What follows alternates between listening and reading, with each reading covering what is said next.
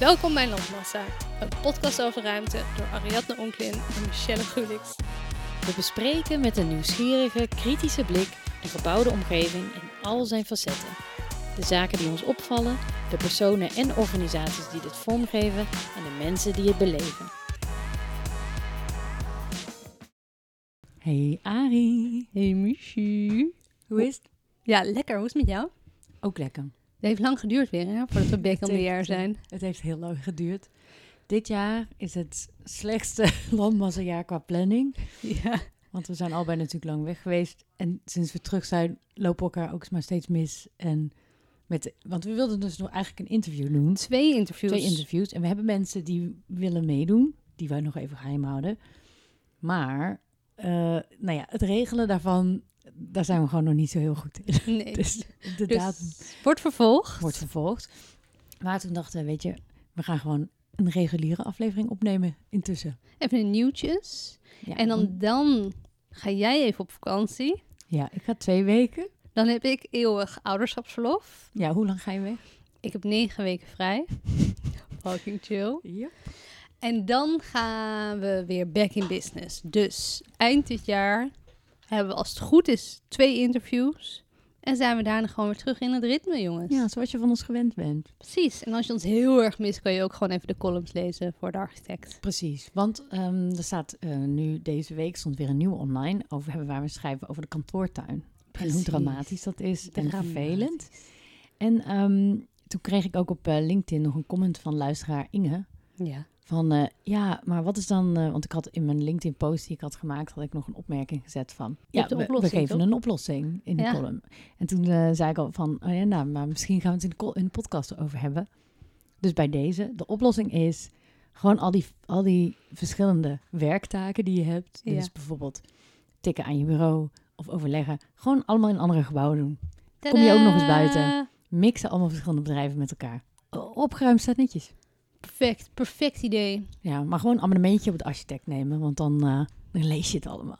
Het is toch hartstikke leuk. En je Ja, kan ook nog hele mooie publicaties krijgen. Ja, Helemaal leuk. maar goed. Ehm, deze zomer is er wel heel veel gebeurd. Dus sinds dat wij even niet onze nieuwtjespodcast hebben gedaan, hebben we weer zoveel om over te praten, Arie. I know, ik denk dat we acht uur kunnen doorgaan, maar ik moet gewoon een rooscycle zo. Dus we jassen hem er even doorheen, jongens. Ja, Oh, ja. joh. Eh, waar gaan we het over hebben? Ik eet even Ehm, een eh varkenssnoepje. Ja, ik heb biggetjes. Het is een soort kinderfeestje. Er is limonade, biggetjes en chips. Een bakje chips. lekker. Ehm, jij gaat iets vertellen over... Er is een bijzondere genomineerde architect van het jaar. Ja. We gaan het hebben over... What the fuck is up met het structuralisme? Zo benieuwd. En vreselijk nieuws eh, van over de zee. Engeland sluit de scholen. Ja, wat is daar aan de hand? aan de hand. En dan eh, hoopvol nieuws, misschien wel in Nederland, over het NHI. Wie kent hem nog? Als je hem niet kent, is dat ook niet gek. Nieuw instituut. Jop. En ehm, er is een nieuw platform voor eerlijke verhuur, waar ik benieuwd naar ben. Ik ook al. Nou, En we gaan ook nog even het café in. nou, en dat in drie kwartier opname. Oké, snel door. Let's Go, go. go, go. Fucking lekker varkentje. Arie. Ja. De architect van het jaar genomineerden zijn bekendgemaakt. Ja, En je hebt iets bijzonders te vertellen. Ja, ik vond gewoon even een klein fun factje tussendoor. Het is elk jaar, het wordt uitgereikt door Architectenweb, de prijs Architect van het jaar. En er worden altijd alleen maar architecten voor genomineerd. Maar nu is er ook een twist, want er is een bureau genomineerd wat naast ontwikkelingen doet in de stad, of daar een vliegwielpositie in heeft, of dingen organiseert, of de initiator daarvan is, ook dat doet en onderzoek doet naar de architectuurhistorie. Dus eigenlijk doorontwikkeld vanuit wat er al bestaat. En dat is het bureau van Michelle Provoost Crimson. Yay, gefeliciteerd. Yes. Dus zij zijn Super niet architecten. Of Nou, ze zijn ook wel, ze zijn historici en architecten. Het is een bureau samen van verschillende partners. En ik vond gewoon dat ik dacht van, wow, wat leuk. In plaats van dat rijtje, vooral mannen natuurlijk altijd, architecten die genomineerd zijn, Ja, is het nu een soort van bureau. Heel goed. En wie zijn de anderen die genomineerd zijn?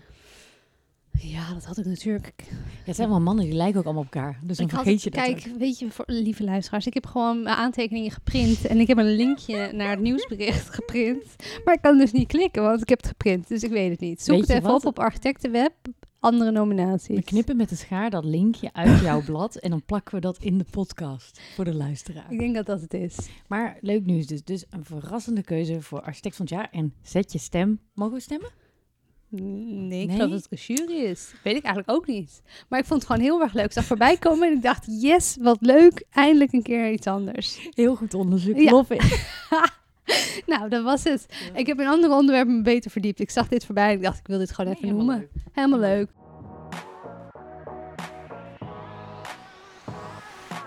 Herman Hetsberger, Michel, vertel. What's going on? Nou, er is heel veel going on en het is allemaal negatief. Oh, Sorry, shit. dit is een beetje een depri, ehm depri nieuwsbericht. Ja. Ja. Kijk, ehm, het gaat heel slecht met de eet chips.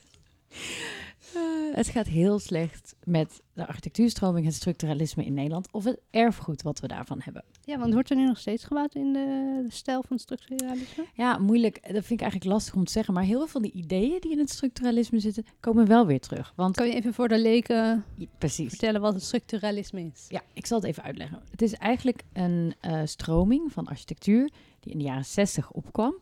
En eigenlijk was het een soort in protest tegen het, echt het functionalisme. Dus hele starre, kille architectuur. Heel megalomaan, heel groot. Form heel follows function. Form follows function, inderdaad. De structuralistische architecten die toen... Die wilden er eigenlijk tegen in verzet komen. Ze zeiden, nee, maar de wereld gaat over mensen. De Over menselijke mensen, maat. Menselijke maat, hoe mensen zich tot elkaar verhouden. En alles ligt, alles heeft verband met elkaar. Iedereen moet elkaar ontmoeten. Er moet een goede structuur zijn. En alles vooral gericht op, nou ja, het menselijke. Ehm, er zijn een aantal architecten en een aantal projecten die je misschien wel kent. Het is trouwens een stroming die wel echt in Nederland bijzonder, bijzondere aandacht heeft. Want wij hadden twee van de grootste architecten van die stroming, namelijk Herman Herzberger, nog steeds Alive, Alive and and kicking. Kicking. ehm, en Aldo van Eyck. En dat is echt een soort, eh, eh, hoe noem je dat? De Godfather. De godfather van de Nederlandse eh, Structuralist. ja, structuralisten. Een burgerweeshuis is van Precies, het burgerweeshuis in Amsterdam. En het, het kenmerkt zich dus heel erg door een soort ehm, modulaire opbouw, zou je bijna kunnen zeggen. Dus het zijn allemaal geometrische patronen, kleine, kleine ehm, units die aan elkaar gekoppeld zijn. Zo herken je het eigenlijk het Ja. makkelijkst. Ik denk, eh, een voorbeeld wat ik ook even wilde aanhalen was... je hebt in Japan ook zo'n soort capsuletoren. Die is inmiddels afgebroken, maar daar heb je heel veel bekende plaatjes van. Ja, Met al van ik weet welke. Nou, Ja. Dat is bijvoorbeeld ook structuralisme. Maar een ander heel bekend project is bijvoorbeeld ehm, de Kubuswoningen in Rotterdam van Piet Blom. Ja. Nou, dan snap je het, weet je wel. Het is allemaal herhaling van kleine patroontjes, lekker dicht bij elkaar. En het gaat heel erg over het menselijk contact. Nou, je denkt, niks mis mee. Hartstikke allemaal, leuk. allemaal laten staan, al die prachtige gebouwen.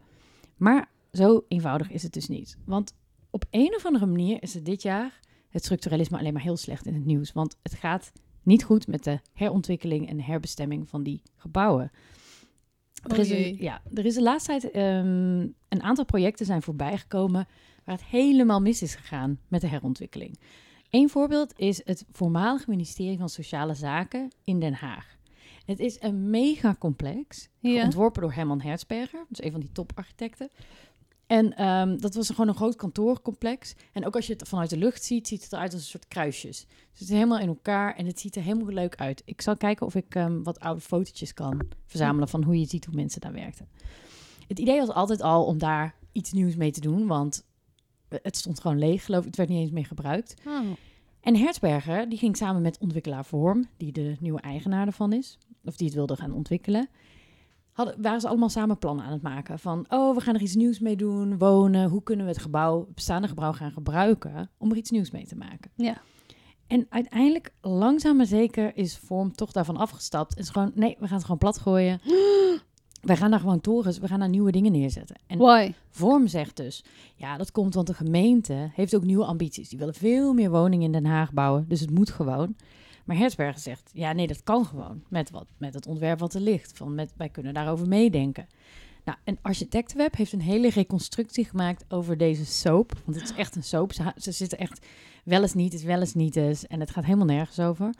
Maar het komt er waarschijnlijk op neer dat het dus gewoon wordt platgegooid allemaal. Het is geen monument. Nee, geen monument. Maar ook, het is, ehm, heeft er niet veel mee te maken misschien, maar het is in de jaren negentig pas gebouwd. Dan zou het gebouw dus ook maar 30 jaar hebben gestaan. Dit Hm. mega complex. Dat is zo niet duurzaam. Nee, zo niet duurzaam. Nou, dat is dus één casus. Waar het misgaat. En Herzberger zelf is heel verdrietig en heel boos. Waarom doet hij niet zelf een monumentaanvraag dan? Ja, nou, Herzberger, do your thing. Wat? do your thing. Ehm, en er is- het gaat ook heel slecht met het Centraal Beheerkantoor in Apeldoorn, ook ontworpen door Herman Herzberger. Dat is echt Ja. een soort icoon van het Nederlandse structuralisme. Ik denk het icoon misschien wel. Er kan, als ik er nu al aan denk, zie ik al die historische foto's van die Ja. leuke mensen die op die balkonnetjes. We gaan even de Insta helemaal dichttimmeren met foto's van mooie Nederlandse Ja. structuralistische parels. Dit gebouw eh, is onlangs dichtgespijkerd door de gemeente Apeldoorn. Oh. Omdat, eh, omdat het is half afgebroken. Why? Omdat de nieuwe eigenaar die daar ook een woonproject of een mixed-use project van wilde maken, is bijna failliet. En er is nu overal overlast van drugscriminaliteit, omdat het gebouw half is afgebroken. Mensen gaan daarin en om, wordt drugs verhandeld. Waarom wordt het dan voor de helft afgebroken? Mocht dat? Ja, dat mocht blijkbaar. Ze, er is wel, nee, ze hebben wel echt historisch onderzoek en zo gedaan. Goed plan. En ze hadden een plan, maar die partij gaat dus failliet. Maar dit is ook wel een geval van zo'n gebouw wat echt al jarenlang zijn er ideeën van hoe gaan we dat nou, ehm, ja, hoe gaan we dat nou verder brengen? En dat lukt gewoon maar niet.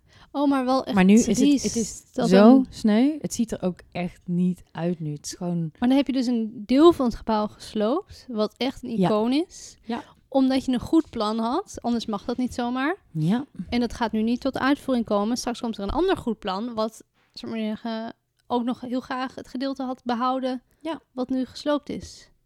Oh, wat heftig. Ja. Maar je hebt gewoon, ja, ik wou net zeggen, als je eigenaar bent, heb je gewoon onderhoudsplicht. Ja. Of het een monument is of niet. Want dat vind ik altijd heel irritant als mensen zeggen, ja, maar nu kan ik er niks meer mee als het monument status heeft. Of ja, maar het onderhoud wordt nu veel duurder. Zo van, je moest het sowieso onderhouden. Dat je het nu hebt verwaarloosd, betekent nog niet dat het geen monumentenstatus dat moet vind ik echt een heel goed punt eigenlijk. Ja. Want inderdaad, in het wil niet zeggen dat het ineens een totaal andere situatie is. Je had het gewoon moeten onderhouden. Precies.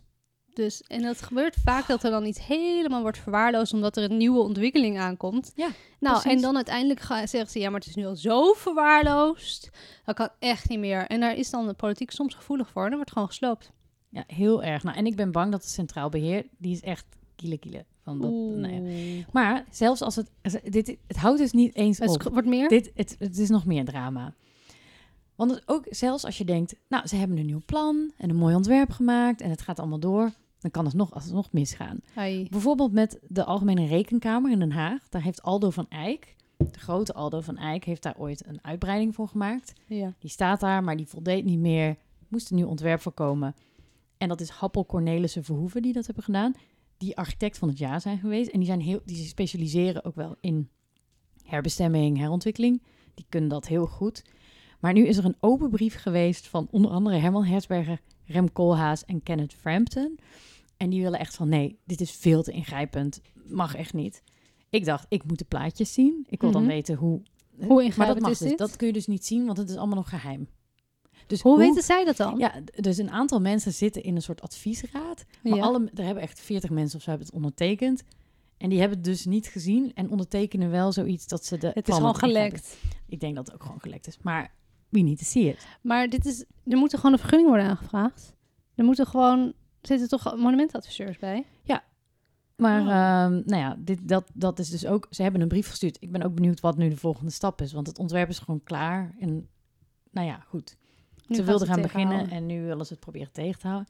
Maar dat het gebeurt ook best wel vaak dat er een ontwerp wordt geprojecteerd, eh, gedeeld van dit wordt het. En dat er zo van, oké, leuk idee, maar Mhm. heb je aan dit en dit en dit en dit en dit gedacht? En oh, dit mag niet, want dit is een monument, la la la la la la. Ja, En dat ze totaal niet hebben, aan hebben gedacht, maar dat ze het al in de pers brengen.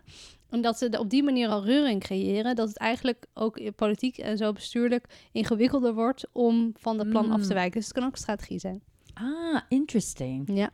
Ja, want het is wel een overheidsgebouw. Dus het is wel allemaal door allerlei procedures al heen, volgens mij. Dus eh, Ja, het is een rare vast- situatie. Fascinerend. Ik zet even het linkje erin. En ik wil dat toch ook even noemen, Tripolis Park. Ja, dat is in Amsterdam is- aan de A10. En dat is een Aldo van Eyck, wel een echt een slechte Aldo van Eyck, of een beetje een lelijk ding is het. Kantoortorentjes. En daar is echt een soort muur overheen gezet van MVRDV. Het idee was leuk. Het idee was leuk, maar die uit, daar is het dus wel Uitvoering gelukt. is Maar die uitvoering is bizar. Ik wilde even de kop van het parool over het project. Tripolis Park is alsof er een intercity over een deux heen is gewalst. Nou, dat omschrijft het prima. Ja, ja. Dus ik vond het dus interessant dat in een paar maanden tijd deze hele rits aan dingen op al die architectenwebsites voorbij is gekomen. Waarom gaat het altijd kut? Waarom gaat het nooit goed? Het gaat nooit goed. Geen enkel van deze processen is van, nou, het duurde lang, maar we zijn allemaal blij en we zijn tevreden. Die Tripolis Park van, ik denk dat er maar weinig mensen zijn die dat een mooie her herbestemming Wie heeft het ook alweer herontwikkeling- gedaan? Uh, UN Studio? Nee, eh VRV. MVRV, die gaan dit toch niet op hun website zetten, toch? Mm, ik denk het wel hoor. Oh. En het is ook heel ironisch dat het met deze stroming is. Want bijvoorbeeld Herzberger zelf, die zegt juist... ik heb mijn ontwerpen eh, juist zo gemaakt... dat ze in de toekomst andere functies kunnen herbergen. Dat hebben we in studies ook aangetoond. Ja, Maar blijkbaar dus... niet de functies die, die ze erin willen. Maar dan is de vraag, moet je zo'n functie erin willen proppen? Ja, Kan je dan niet beter op zoek gaan voor die functie naar een ander gebouw? En dat gebouw gebruiken voor een functie die er Die echt in past. ja. Zo van, waarom claim je jouw functie op het gebouw? Waarom is jouw functie belangrijker dan het gebouw? Waarom is het gebouw niet belangrijker voor de functie? Snap je? heel goed punt. Ik vind dat En complex. ik vind het dus... eh, Waarom is het over zo'n gedoe? En ik vind... Ik, en ik heb geen antwoord. Nee, ik denk dat het ook nu is omdat het al- allemaal in dezelfde periode is gebouwd. En dat het nu natuurlijk de tijd is dat dit Mm, allemaal ja, dat wordt verduurzaamd en weer herontwikkeld. Dus het is altijd een soort van ritme van een x-aantal eh, decennia dat het, eh, dat, eh, het langskomt. Ja. Dus daarom komt nu heel structuralisme voorbij. Maar ik vind het wel opvallend dat echt dan die iconen, dat er nu al die functies van nu erin worden gepropt. Zo van, doe dat even niet, joh. Nee, doe, denk even wat langer na. Neem ook misschien de tijd. Maar ja, onderhoud kost tijd. Hè? Leegstand kost... Leegstand Ja. is heel slecht. Ja, en je moet het onderhouden. Ja, Maar Want dat was gaat dus toch- het probleem met die Hertzberg. Die heeft gewoon te lang met die centraal beheer. Die heeft gewoon te lang leeg gestaan. Ja, en helemaal is niet vervallen. Ja. Ja. dus dan loop je gelijk al 20 keer 20 0 achter. Ja, Maar ja, je propt toch ook niet in elk grachtenpandje elke functie? nee. Nou, waarom zou je dan andere Of net random... als Tripolis, zo'n hele groene een brug eroverheen bouwen. Precies. Nee, dat is wonderlijk. Wonderlijk. En wie mij kan uitleggen what's going on en hoe kunnen we het beter doen, alle advies welkom.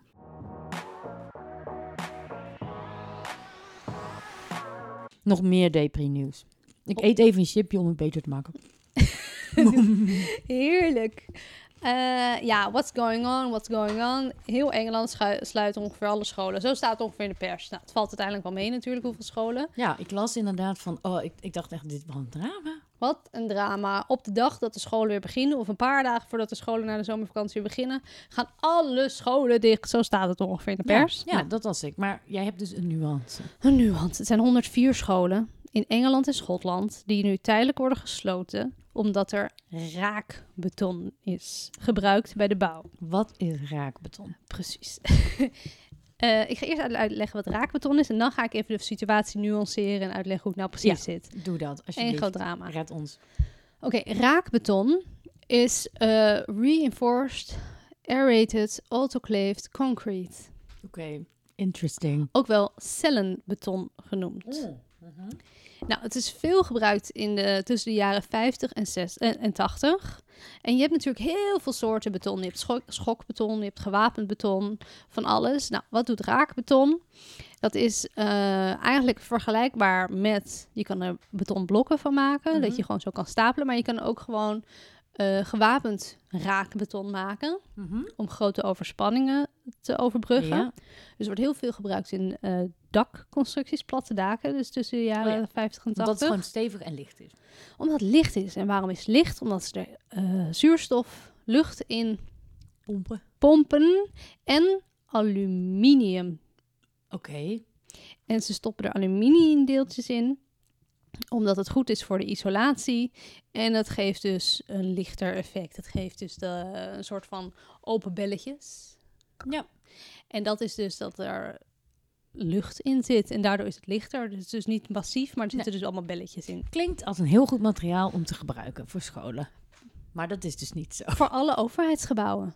Mm. Ook ziekenhuizen, Oh, politiebureaus, rechtbanken. Tussen de jaren 50 en 80 was het gewoon De shit. de shit om vooral grote overspanningen van daken, platte daken te maken. Nou, wat is nou de hele issue? Het heeft natuurlijk allemaal bubbeltjes en gaatjes. Gaat je dak lekken, dan gaat het vocht in dat beton trekken, wat natuurlijk veel makkelijker gaat als er allemaal luchtbelletjes in zitten. Ja. Dus dat gaat veel makkelijker naar dat gewapende gedeelte. Eh, moet ik uitleggen wat het gewapende gedeelte is? Dat is eh, Metaal. binnenwerk, dat is ehm, wapeningsstaal. En dat eh, wordt gevlochten voordat je er altijd beton eh, overheen jast. Ja. En als er dus vocht bij komt, dan gaat het roesten. Dan zet het uit en laat het beton los. Klinkt kut. Heel kut. En dat wordt dan betonrot genoemd. Ja. Maar dat is dus een heel gekke naam, want eh, beton rot niet. Maar het laat dus verkruimelt en laat dus los, omdat het binnenwerk gaat roesten. Omdat er dus lekkage in het beton komt. Ja. Nou, hele tutorial voor je als je wil in de show notes op YouTube. Het was erg interessant met tekeningen op een bord. En, eh, nou ja. Wat daarnaast ook nog een probleem is met raakbeton. Al, het moet heel zorgvuldig worden geplaatst. Dus Ja. als je een dak legt op een steunmuur, dan moet de overlap van dat dak op die steunmuur moet minstens 75 mm zijn. Zodat het water er afglijdt. Nee, zodat het de juiste duw- en trekkracht aan kan. Oké. Ja. Wow, technisch. I know. Dat hadden ze in die tijd, deden ze dat gewoon soms een beetje YOLO. En als het dus 50 mm is in plaats van 75, is die krachtenverdeling dus niet goed. En dus is, zitten er veel meer plekken waar het makkelijker kan breken als er dus ook roestvorming is in het binnenwerk. Oh en dat God. maakt dus dat het heel kwetsbaar kan zijn, het raakbeton. Heel interessant, toch? Ja, Ik wist het niet. Dit staat ook niet op de NOS of zo. maar is dit in Nederland ook? Ja, daar ga ik straks over vertellen. In Engeland is er in 2018 een dak van een school ingestort in het weekend. Dus er was niemand Oh, aanwezig. Oké. Maar en toen dachten ze, Fuck. oh, what the fuck? Wat is hier gebeurd? Oh, fuck, het was raakbeton. Toen hebben ze heel erg groot onderzoek ingesteld om alle scholen en zo te Mhm. checken van, joh, hebben jullie raakbeton, ja of niet? Nou, dat hebben ze allemaal geïnventariseerd en er wordt elk jaar wordt daar op gecheckt. Zo van, hey, Ja. hoe is het er nu mee? En er was dus van de situaties die ze dit jaar checkten, waarin stond, dit is niet gevaarlijk, was opeens van één op de andere dag was het gevaarlijk. Toen was het opeens de achteruitgang van de status van het beton was zo hard naar achter gegaan dat ze dachten, fuck, de hele inventarisatie is niet meer actueel. Oh man. In een paar jaar tijd is dus gewoon Is al dat beton slecht het was geworden. gewoon allemaal slecht. En toen dachten ze, oké, als het bij deze casussen zo slecht is, hoe is het dan met de rest? Oh man. En dus hebben ze uit voorzorg die 104 scholen waar ze wisten dat er raakbeton is, gesloten. Tot er onderzocht is of het inderdaad gevaarlijke situatie is of niet. En dus worden al deze scholen nu Oké. allemaal gecheckt en worden de plekken waar raakbeton zit eh, afgesloten. Oké. Oké. Dus en dat gaat dus om 104 scholen. Die, en die worden dus nog gecheckt of die zijn gewoon slecht? die worden nu gecheckt. Oh, dus het wil niet zeggen dat ze alle 104 op instorten staan. Nee, dus ze gaan nu checken. Wat de status? Is het Oh. slecht? Dan worden de ruimtes die, het die dat Beton bevatten gesloten. Dus dat is bijvoorbeeld de kantine of de gymzaal Ja. of de helft van alle klaslokalen. En de, Oh, alles wat daar dan wordt gesloten moet dus tijdelijk worden bijgebouwd eh, ernaast. En dan moet het allemaal worden opgeknapt. Oké.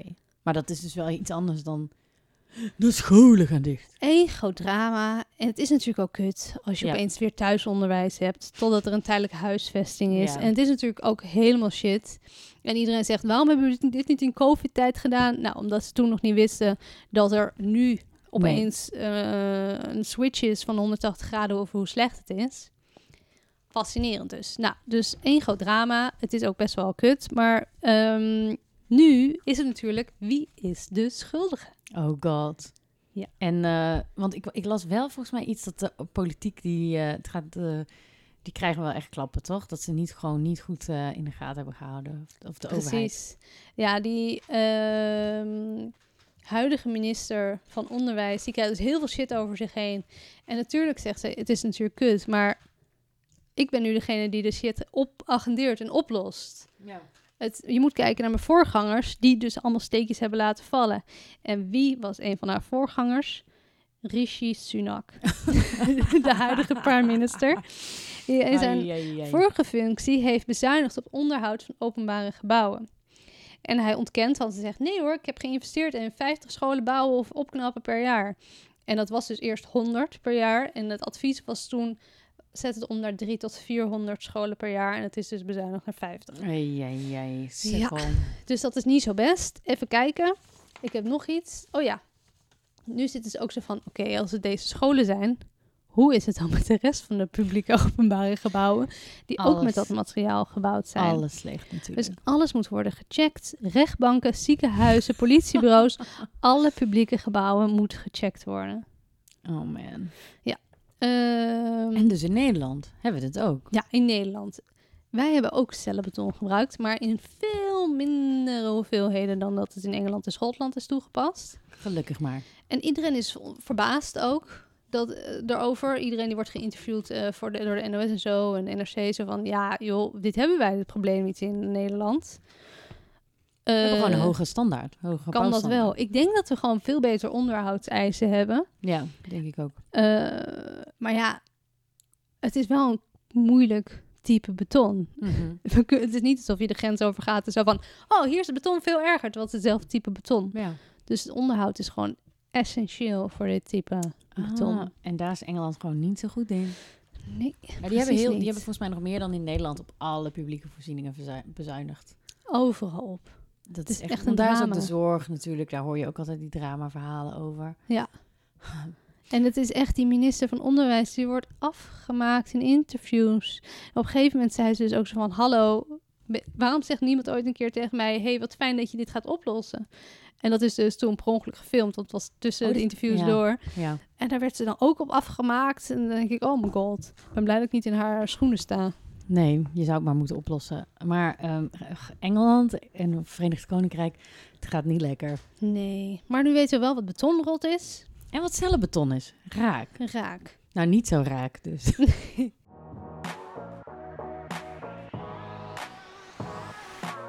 Mish, Yes. what's the deal bij het NAI? Ik denk dat we elke aflevering het wel hebben over het nieuwe instituut. We hebben het heel veel over, ja. Maar ja, we zijn het houdt ons ook bezig. ja, en we zijn een podcast waar architectuur een belangrijke rol in speelt. Ja. Maar misschien zijn er ook wel luisteraars die denken, wat de fuck is het NAI? Wat is het NAI? Het NAI is het Nederlands Architectuurinstituut. En dat heet nu het Nieuwe Instituut. Want het is opgegaan in het nieuwe instituut. Exact. Samen Ehm, met mode en... Mode, digitale cu- cultuur. Het was eigenlijk een slachtoffer van dat jaar waarin Halbe Zijlstra, ja. dat die minister was van Onderwijs, Cultuur en Wetenschappen. en op Die alles op heeft toen echt met een soort hakmes eh, in die hele sector gesneden. Zo bizar. Echt, die had een derde of zo van het budget heeft hij eraf gehaald. En toen dacht hij ook, toen, toen verkochten ze dat zeg maar aan, aan de, de creatieve wereld van, ja, we gaan architectuur, digitale cultuur en mode gaan we lekker samen, want dat is kruisbestuiving. Ja. Maar eigenlijk was het gewoon, hoe kunnen wij drie verschillende belangrijke instituten bij elkaar proppen en er minder geld voor aan know, uitgeven? ik heb het gevoel dat nooit een kruisbestuiving is bij een van de expos van het nieuwe instituut. Klopt, ja, eigenlijk. Want nu was het, ze hadden wel eentje met, eh, met mode, met werk, workwear. Dat ik eigenlijk dacht heel leuk, maar inderdaad, het is dan alleen mode. En als Ja. het architectuur is, gaat het weer over wonen, was laatst. Dan gaat het weer over wonen, dus over, niet over mode. Nee, Dus het het lijkt me wordt- ook complex om altijd daar een, kru- een kruisbestuiving voor te Ja, vinden. en ik denk ook, ze hebben alle drie een heel ander publiek. Weet je, digitale cultuur en het architecten eh, publiek is een heel andere doelgroep volgens mij. Ja. Of heel andere, nou ja, het zijn hele andere dingen. Maar het NAI was eigenlijk best wel een heel gelauwerd instituut. Dat, dat stond echt, heeft echt een hele grote naam gehad. Het Want ze hebben ook een enorm archief. Het hele Precies. architectuurarchief. Ja, ze werden in 1988 eh, oorspronkelijk opgericht ehm, ehm, door ja, een documentatiecentrum voor bouwkunst en voor het Stichting Architectuurmuseum en de Stichting Wonen die samengingen. Oké. Dus het zijn drie verschillende organisaties. En dat ene instituut, ja, het instituut kreeg de taak om eh, alles rondom Nederlandse architectuurgeschiedenis en het huidige debat, om dat, eh, en in exposities en in lezingen, om dat gewoon uit te dragen. En zij en hebben te altijd behouden. enorme bibliotheek. Altijd als ik ergens onderzoek naar moest doen, Ja. moest ik naar Rotterdam. Precies, ze hebben een fantastische bibliotheek en het archief is echt geweldig. Ze hebben maquettes van, nou, al die, als je zegt Hersbergen, Alder van Eyck, ehm, ja, Gerrit Rietveld. Ik heb zelf nog stage gelopen in het archief en toen deed ik heel veel Gerrit. Rietveld dingen, was echt heel leuk. Ehm, Een vriendin van mij heeft tekeningen gerestaureerd voor het nieuwe instituut oh, van. Rietveld. Top. Het is echt een heel bijzonder archief. Maar goed, het werd dus in 2013 ging dat samen met Premsla, virtueel platform. En toen werd het inderdaad voor architectuur, design en e-cultuur. Dus dat ging best wel samen. Maar goed, waarom hebben we het er nu weer over? Nou, ja. omdat best wel interessant weer, er is iets aan de hand met 2023, allerlei debatten komen op gang. Ehm, want heel veel mensen vinden ineens weer, waarom komt dat NAI niet terug? ja, dan zegt het nieuwe instituut, wij zijn er toch? Ja, precies. Toch? Dat zeggen ze toch? Ja. Nou, het is, ehm, en, nou ja, eerst en vooral van Maar waarom... niet goed nieuw instituut. Ja. van waarom is dat eigenlijk nu dat die discussie speelt? Nou, heel veel architecten op dit moment ehm, en mensen die zich in de hele sector begeven, die vinden dat ontwerpers gewoon een veel te kleine eh, stem hebben eigenlijk in heel veel maatschappelijke problemen die nu spelen. Dus bijvoorbeeld de woningbouwcrisis. Het gaat elke keer, maar daar hebben we het al vaker over gehad, bouwen, bouwen, bouwen, snelheid, efficiëntie, duurzaamheid. Maar kwaliteit, ontwerpkwaliteit en slimme oplossingen Is niet boeiend. is niet boeiend. Dus ehm, daar gaat iets mis. En toen kwam er dus ook een motie eerder dit jaar. Sandra Beckerman van de SP, die eh, wilde een motie, eh, die diende een motie in en dat ging over eh, inderdaad het ontbreekt aan waardering en erkenning voor het werk van onder andere architecten en omdat zij in de gehele bouwketen een marginale positie krijgen. En ehm, ze wil te onderzoeken of er een Nederlands architectuurinstituut terug kan keren. Maar hoe gaat hij de posities van de architect dan... eh, Nou, zij zien dus ehm, eigenlijk in het NAI een belangrijke rol als een soort één loket of een belangrijke plek. Die, waarin heel veel debat kan worden gebundeld. Want ehm, Maar als je als architect met elkaar gaat debatteren, betekent nog niet dat je een functie krijgt, dat je positie wordt versterkt in een keten verderop. nou, ik denk wel dat er iets in zit dat een NAI als instituut bijvoorbeeld had vroeger altijd best wel een grote rol in. Weet je, die kunnen heel makkelijk de weg vinden naar eh, bijvoorbeeld de overheid of eh, dingen agenderen en echt groot op de kaart zetten, omdat die gewoon eigenlijk het hele werkveld eh, representeren. Ja, En nu doet natuurlijk zoals de BMA ook doet. Ja, alleen de BNA krijgt ook best wel wat kritiek de laatste tijd. Omdat ze zich. Veel architecten vinden ook dat het, bijvoorbeeld de BNA ehm, eh, zich niet, niet genoeg. ehm, eh, hoe noem je dat? Afficheert. Ja. Die zeiden ook. Ik dacht altijd dat het de Bond voor Nederlandse Architecten was. Mhm. Maar het is branchevereniging. ja, dat wist ik ook wel. dus ze zijn ook niet een bond, weet je wel? Dus het is net, net een nuance die er is gelekt die net iets anders is. Maar die mevrouw van de SP. Ja, die heeft die, eh, die heeft, eh, dat, en dat kwam erdoor. Die Maar- motie, dus er is een onderzoek, zijn ze gestart. Wie heeft haar ingefluisterd? Want zij is geen architect, denk ik. En zij heeft het vast niet zelf bedacht. Nou, het is wel interessant, want er is dus een, een gesprek geweest en daar waren allerlei eh, vertegenwoordigers aanwezig vanuit het werkveld. Dus ook één oud-directeur van het, hoe heet het? Van het NAI, Ole Bouwman was erbij. Saskia van Stijn van de IABR, de Biennale in Rotterdam. Mhm. Ehm, Art Kalle, die een... eh, oh, Carlos, ik schrik me helemaal de tering, jongen. er komt hier even een kat aankloppen, want die wil eten. Carlos. En eh, Art Kalle, die eh, een artikel heeft geschreven, of een, of een open brief naar de Volkskrant hierover, die dat ook vond. En vindt deze mevrouw van de SP vindt architectuur belangrijk? Ja, zij vindt het gewoon belangrijk. Ze vindt het belangrijk dat het op de agenda komt. En ik vind er eigenlijk wel heel veel voor te zeggen, want ja, het is ook zo. Van, er Ja. wordt alleen maar aandacht aan snelheid gegeven en aantallen. Maar waar is de kwaliteit? Maar de kwaliteit. Maar nu is dus dat gesprek geweest. En ehm, de, eh, de architect was daarbij, het blad. En die schreef ook op van, nou, eigenlijk werd er vooral gesproken over, ja, ontwerpkwaliteit is heel belangrijk. Maar echt het agenderen van, dat komt het, eh, komt het NAI weer terug. Daar werd eigenlijk niet over gesproken. Dus eigenlijk was het nou wel heel zinvol. Het was een beetje een open en een beetje een leeg gesprek. En het nieuwe instituut zelf heeft zich natuurlijk ook in debat gemengd. Ja. Dus die hebben een open brief gestuurd naar eh, NRC. Eh, en die vinden van nee, nee, nee, maar wij zijn al het, het centrale loket. Maar het gaat ook eigenlijk om de samenwerking tussen alle lokale eh, instituten, tussen de biennale, tussen ons. Het gaat juist om het netwerk. Huh. Dus zij vinden eigenlijk van nee, het nu, het eh, NAI moet helemaal niet terugkomen, want wij zijn er al en de rest is er al. Het gaat om dat netwerk dat dat er is. Maar goed, het is eigenlijk aangetoond dat het dus niet goed werkt. Niemand Nee. is tevreden met Maar uiteindelijk gaat niemand stappen zetten. Nee, is een soort het van voelt een beetje- geweest. ja. Zo van, oh, we vinden allemaal kut. Oké, maar niemand pakt door. Nee, en het is ook van... Ik denk ook dat het heel lastig is, want inderdaad, je hebt dat nieuwe instituut. Ja, en dan ga je het nu weer lostrekken. Is ook een beetje... Ik, ik, ik zou willen dat het zou kunnen, maar het is ook wel van ja... Maar en hoe definieer je, we gaan in de motie die aangenomen is, we gaan er onderzoek naar doen. Is dit het geweest? Of moeten ze nog iets Nou, ze zeggen dat ze het op de agenda gaan zetten. op wiens agenda? Goeie vraag. Oh my god, ik, Dus het is gewoon van... een ehm, loze motie. Ja, dus het is echt van... eh, nou, er is een uitspraak gedaan en van ja, we vinden dit. Maar hoe en wat en wie, dat is dus toch helemaal niet bekend. Dus ik verwacht niet dat wij de komende vijf jaar weer een architectuurinstituut gaan hebben. Nee, en dus ook geen kwaliteit in de woningbouw. Nee, of iemand anders. Nou, ik denk wel, bijvoorbeeld zo'n BNA, daar is ook het hele bestuur opgestapt. Of de- die zijn ook allemaal Waarom? weg. Dus ja, weet ik niet precies. Volgens mij, eh, ik heb geen idee wat daar dan mee speelt. Maar ehm, goed, daar gaat het dus ook. die- Weet je, die, zijn ook, die staan ook niet op volle sterkte. Om Dus het zo maar even iedereen is eigenlijk op zoek naar een leider met Ja. een beetje koers en een beetje En je had visie. altijd bijvoorbeeld de Rijksbouwmeester. Is ook Ja. natuurlijk een, een functie die, Die daar belangrijk in is. Ja. Waarom pakt hij het even niet op? You Eh, got one job. Ja, ik heb one job. En ik had het idee de dat volgens. Alkmaar, die was altijd wel heel zichtbaar. Wie is nu onze spoorbouwer? Is dat Francesco Veenstra? is die van de... Ja, Francesco Veenstra is de Rijksbouwmeester. Waarom stapt hij niet op? Of Eh, niet, op, niet dat hij opstapt, maar dat pakt hij, hij niet pakt hij niet door. Ja, nou dat is dus best wel een goede vraag. Veel mensen ehm, ja, zeggen ook van, ja, iemand moet een beetje wat stevige rol pakken of het debat moet worden Ik aangeswingeld. zie hem ook nergens. Ik had het gevoel dat ik Floris Alkemaar altijd moest wegslaan. Dat ik dacht, weer, weer, weer. En deze man Ja, zie ik nergens. Hij heeft ook gewoon nog zijn eigen bureau. En ik denk, volgens mij is hij gewoon heel druk met zijn eigen werk. Dus heeft de prioriteit ergens anders Ik liggen. denk het wel.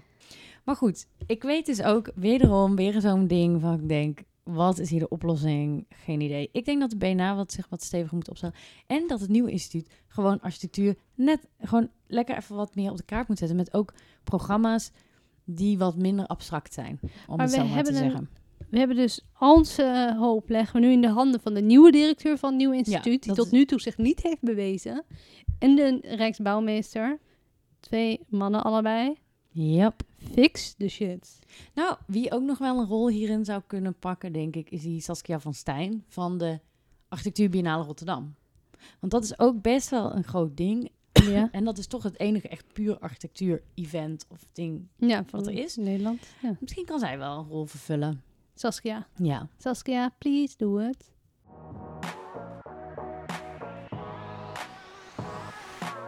Nou, dan heb ik nu nog wat positiefs nieuws, Mish. Ja. Kom maar door. Ja, er is weer iets leuks nieuws. Het is toch altijd een dramatisch iets om een huis te vinden.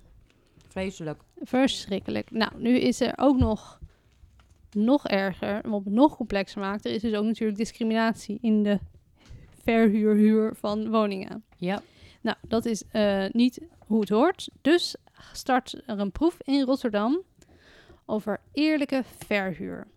En dat doen ze op een manier waarvan ik ehm, positief ben, maar ook nog wel wat vraagtekens heb. Ja. Want ehm, wist je, een fun fact, niet een heel leuk fun fact, dat mensen met een niet-Nederlands klinkende naam 23% minder kans hebben om uitgenodigd te worden voor een Wow. bezichtiging? Slecht. I know. Bizar. Dat is wel shocking eigenlijk. Bizar toch? Nou, wat gaan ze doen bij de eerlijke, eerlijke te huur woonplatform? De kandidaat schrijft zich in via een soort van beveiligde kluis, het woonpaspoort. En ehm, daarin komen de benodigde gegevens als je inkomen, de grootte en samenstelling van je Mhm. huishouden. En daarin kan de ontwikkelaar meekijken eh, of je geen valse informatie verstrekt. Maar dan kan je, als dat, die kluis of dat woonpaspoort klaar is, kan je anoniem reageren op een woning. Oké. Dus dan kijken ze niet naar je naam, maar dan kijken ze gewoon naar de, Van wat voor baan heb je, facts. je inkomen, je samenstelling. ja, de Oké. facts. Lijkt, me- lijkt me, klinkt goed. Super. Nou, dan eh nodigt de verhuurder een lijst uit van geïnteresseerden voor een bezichtiging. En dan, dat is de Oh, ik word gekrapt door een kat. Carlos, die, die, die wil aandacht ook, lieverd. Dan, dan word je ge- uitgenodigd voor een bezichtiging. Dan denk je, oké, toppie toppie. Uitgenodigd, op, eh, weet Ja. hoeveel mensen ze uitnodigen. Maar dan weten ze natuurlijk wie er bij dat woonpaspoort hoort. En dan op basis van die bezichtiging kan de eigenaar beslissen aan wie die zijn woning verhuurt. Dus dan Word eigenlijk... je uiteindelijk alsnog gediscrimineerd. Dus het, hoeft, het is iets wat uiteindelijk misschien niet eens iets oplost. Nee, het is een soort van de eerste stap. Hmm.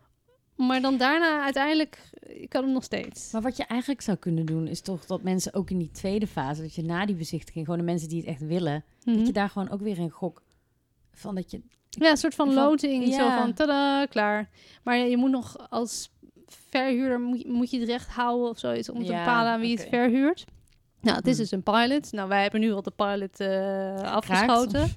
en het duurt eh, zes maanden en wordt gemeentebreed uitgevoerd. En dan gaan ze per wijk ook kijken of er verschillen zijn. Hmm. En er worden 200 woningen aangeboden door het par- platform Particuliere Verhuurders Rotterdam. En het gaat niet alleen om duren. Zo'n 60% van deze woningen valt in de sociale huur. En ehm, woningcorporaties zijn niet hierbij betrokken, want die verhuren al op een objectieve manier Heb basis je van gewoon die lijst. Ja. ja, precies. Dus eigenlijk moet, waarom doen ze dan dat niet gewoon op een soort basis net ja, waarom doen ze het niet gewoon opnieuw? Wat ze al hebben. Waarom gaan ze nu het wiel opnieuw uitvinden? Ah, en het klinkt ook, het is gewoon geen waterdicht systeem. Het, het is zeker geen watersysteem. Heeft Carlos, wordt hij uitgehongerd? Nee, helemaal niet. Carlos is echt deze kat. Sorry, ik geef hem even Ja, eten. eet, want geef hij- hem eten.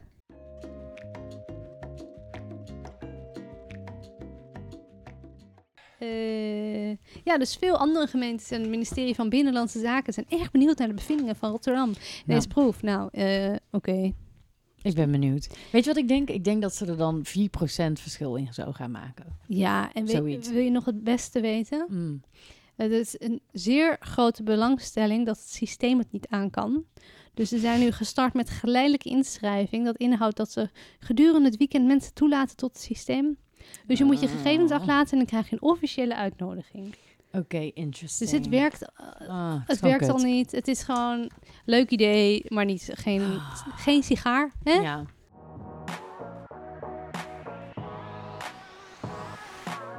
Oké, Arie, wat doe jij het liefst in het weekend?